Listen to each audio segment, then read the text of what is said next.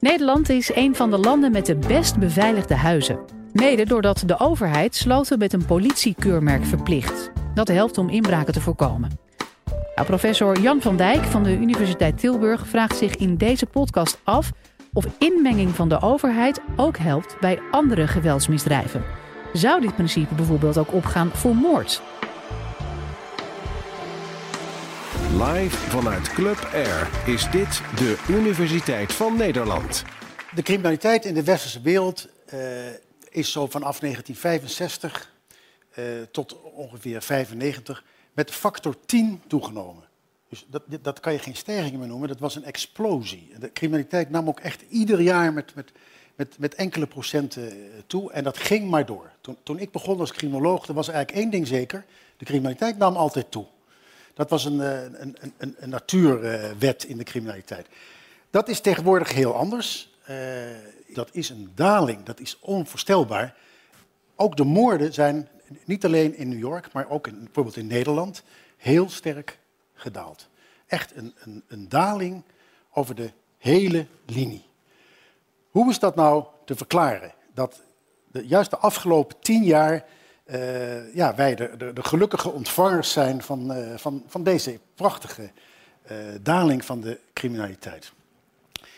Ik zelf denk dat als je de verklaring wil zoeken, dat je dan moet afstappen van dat traditionele dadergerichte denken.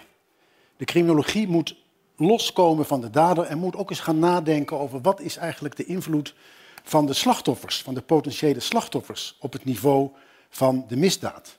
Dus volgens mij moet je dus eigenlijk als moderne criminologen dat hele misdaadprobleem van, vanaf een hele andere kant benaderen. Namelijk, we moeten kijken naar de slachtofferkant op de misdaadmarkt. En niet alleen maar naar die daderkant. Dit is in een notendop uh, mijn, mijn, hypothese uh, over de crime curve.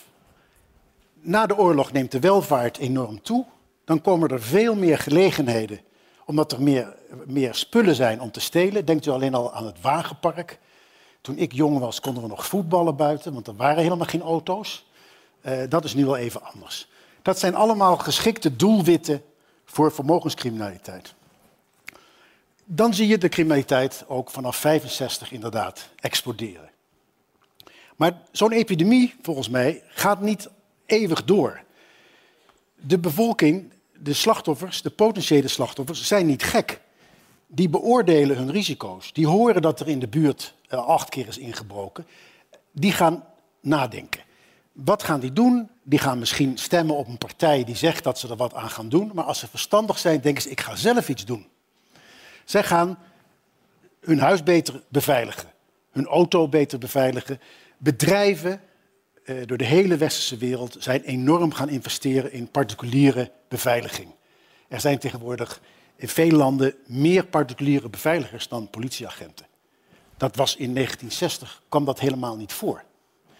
Uh, dat heeft volgens mij dan vervolgens uh, enorme impact op de gelegenheidsstructuren. Het aantal gelegenheden wordt ingeperkt door de betere zelfbescherming van de burgers.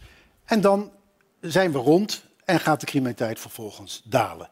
Dus volgens mij zit er in een, in een misdaadepidemie eigenlijk een ingebouwde rem.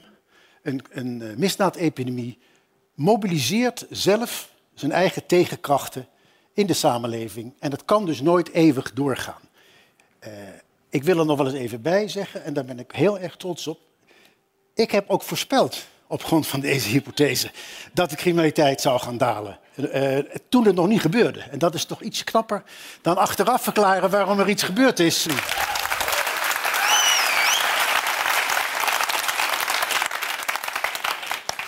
Dit is de theorie, maar zijn er ook bewijzen voor? Dat is natuurlijk nog even uh, een wat andere opgave. Het eerste wat ik met u wil bespreken is uh, een van de meest markante dalingen van de misdaad. Dat is de daling in het aantal autodiefstallen. Dat delict is namelijk echt meer dan gehalveerd in alle, uh, alle landen. Nou, het eerste land waar autodiefstal is gaan dalen, dat was in Duitsland. Ik denk niet dat veel mensen dat weten. Duitsland heeft al in 1960 uh, het bekende stuurslot, wat je vroeger op je auto had, wettelijk verplicht gesteld. 1960.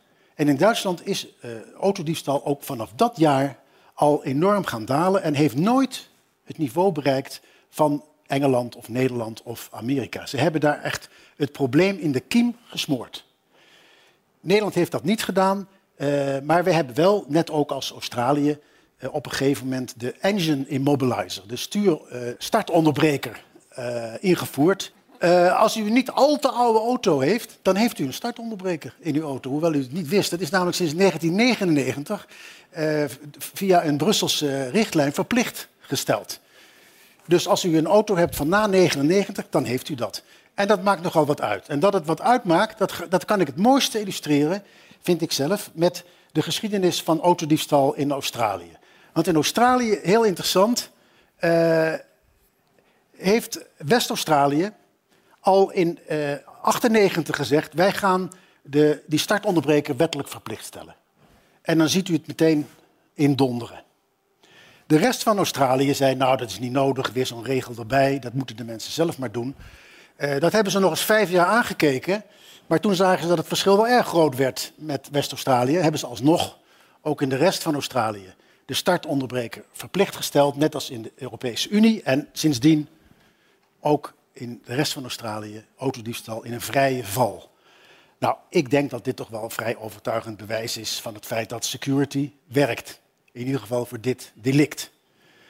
Een ander uh, misdrijf wat, waar de gewone burger uh, het meeste last van heeft, wat ook veel schade met zich meebrengt, maar ook uh, emotioneel heel belastend is, dat is de woninginbraak. Uh, niet alleen dat je je goederen kwijt bent, maar het idee dat een vreemde in jouw huis heeft rondgelopen, dat, dat, is, dat is belastend. En nou, voor nog wat mensen ook reden om vervolgens te gaan verhuizen. Dat, dat huis is, is besmet. Dus dat is een ernstig, ernstig misdrijf. Niet alleen geweldmisdrijven, dit is ook ernstig.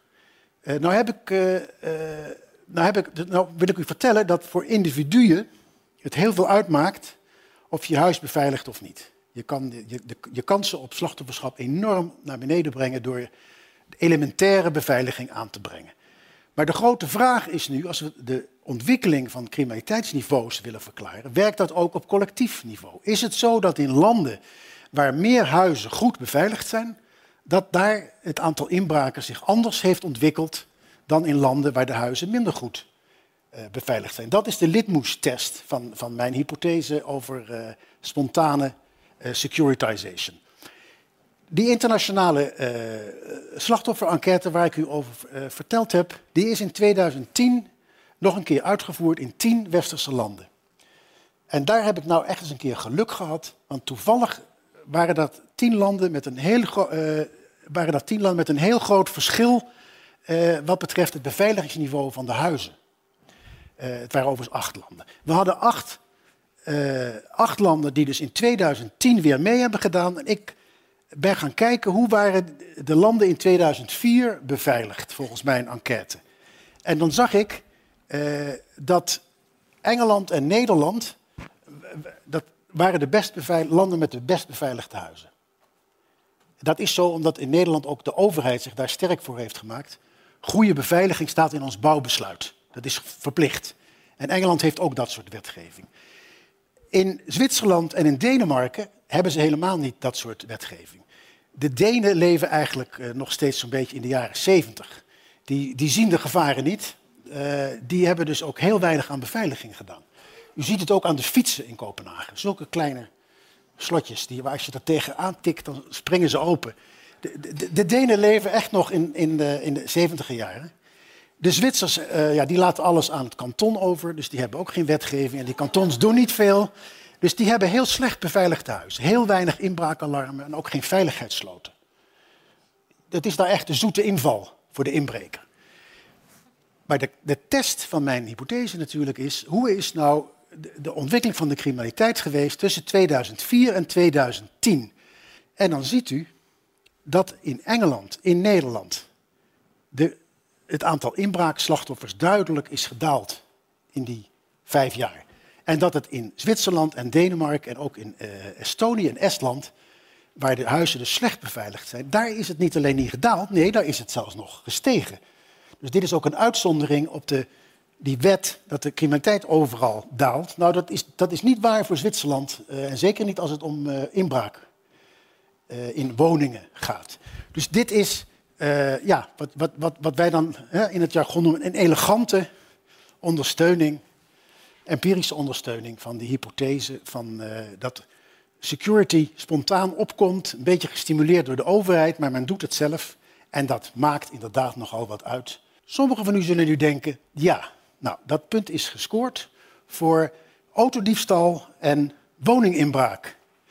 Maar Van Dijk heeft ons ook laten zien dat ook het aantal moorden is gedaald. En dat kan je toch moeilijk verklaren met het feit dat er betere sloten uh, op, de, op de voordeur zitten. Hoe is dat nou te verklaren?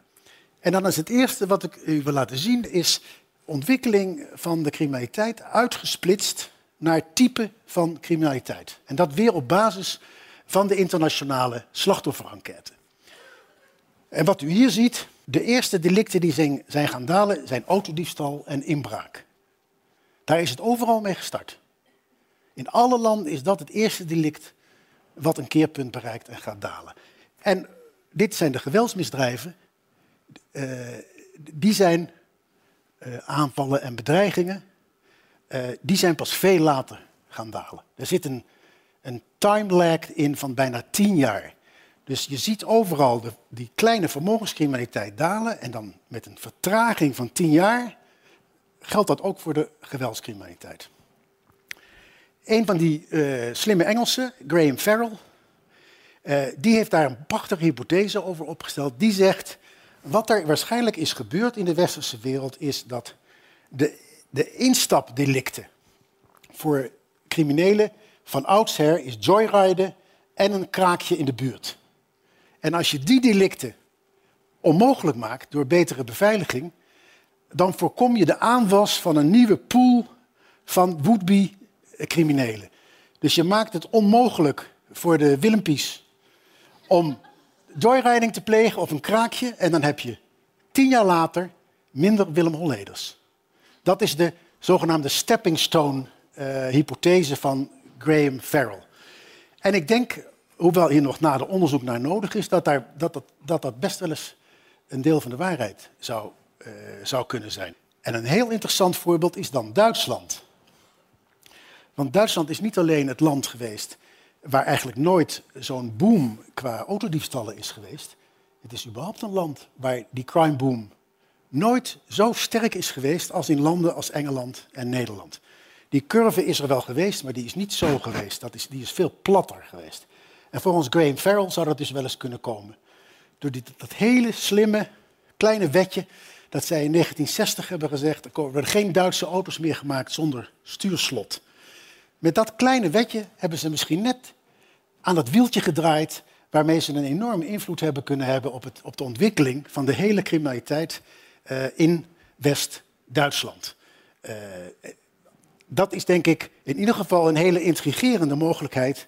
Uh, waar je dus kan zien dat een overheid wel degelijk met, met, betrekkelijk bescheiden maatregelen het verschil kan maken. Wij weten wat heel goed werkt en wat ook relatief goedkoop is. Dat is namelijk betere beveiliging. dan zou je verwachten dat de overheid daar dan ook nu wel op zal inzetten. We hebben namelijk tegenwoordig weer te maken met een criminaliteit die weer licht gaat stijgen. Dat, dat, dat zie je bij inbraken, je ziet het ook een beetje al bij, bij autodiefstal. Het lijkt erop alsof we de bodem nou alweer bereikt hebben. En als dat zo is, dan is dat natuurlijk het moment waarop de overheid moet ingrijpen en moet zorgen dat er juist weer meer aandacht komt voor situationele preventie. Maar helaas, dat is het laatste wat er gebeurt. Men vindt dat niet echt politiewerk het mantra van de overheid in Nederland, maar precies hetzelfde in Engeland, is meer blauw op straat, strenger straffen. Ik zal de laatste zijn om te zeggen dat er geen blauw op straat moet zijn en dat er, dat natuurlijk moet er gestraft worden, al was het maar voor de slachtoffers. Maar dat je denkt dat je daarmee het algemene niveau van de misdaad omlaag kan brengen, dat is volgens mij echt een, een, een treurige, treurige illusie. En ik denk dus dat, dat op het gebied van criminaliteitsbeleid we nou bij uitstek een beleidsveld hebben waar je echt moet constateren dat we te maken hebben met facts-free policymaking. Er is een enorme kloof tussen de kennis die we hebben over wat werkt en wat niet werkt. En datgene wat de politici aan ons verkopen. En tot nu toe met succes. Maar ik hoop dat mede door wat ik vandaag heb kunnen vertellen, eh, u daar toch nog eens over na gaat denken. Uh, en dat dat uiteindelijk zijn invloed zal hebben op het criminaliteitsbeleid in Nederland. Wil je nou meer afleveringen van de Universiteit van Nederland horen? Check dan de hele playlist en ontdek het antwoord op vele andere vragen.